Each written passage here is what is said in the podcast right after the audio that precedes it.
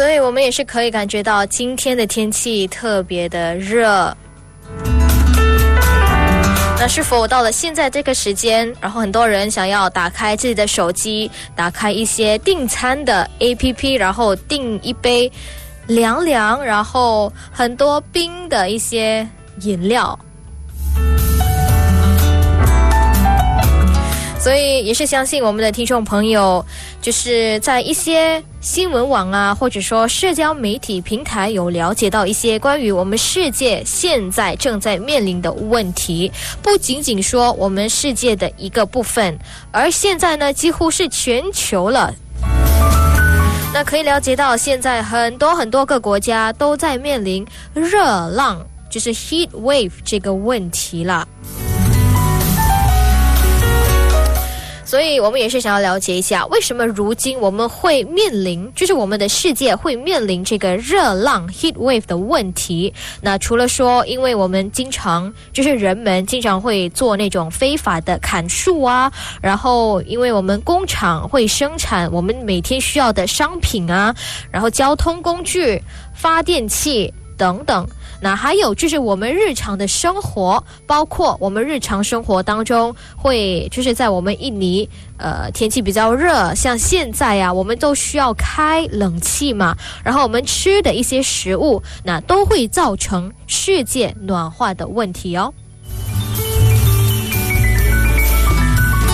那尤其是对于喜欢浪费食物的人们，要提醒不要丢太多的。食物了，因为被丢掉的食物也不可能让它就是在那边就是堆积成山嘛，因此我们就会人们呢就会把这些浪费掉的一些食物进行分解，那因此在分解食物的过程当中，它会产生一一些气体，包括有二氧化碳，然后有一种它的名字是叫做。甲烷就是 methane 的这种气体等等，而这些就是产生出来，就是在分解过程中所生产出的一些气体呢，对于我们世界会造成巨大的伤害了。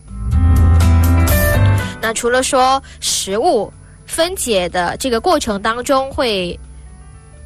也就是会造成世界暖化的问题之外呢，像我们每天打开冷气、打开这种冷气机也是会的。那因为我们的冷气啊，会释放一种称为氢氟烃，就是 hydrofluorocarbon 的这种化学物。那根据专业人士的分享，它会比二氧化碳可以困住热气的能力。更强一万两千倍，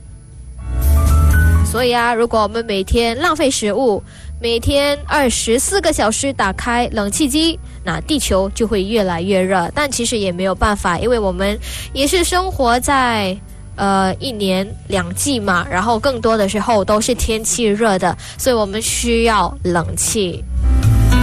但是也是要提醒啦，如果我们没有在家或者没有在办公室里面的时候，不需要冷气的时候呢，我们就把它关掉。那这样的话，我们就可以帮助缓解缓解我们现在的困境，就是热浪的问题了。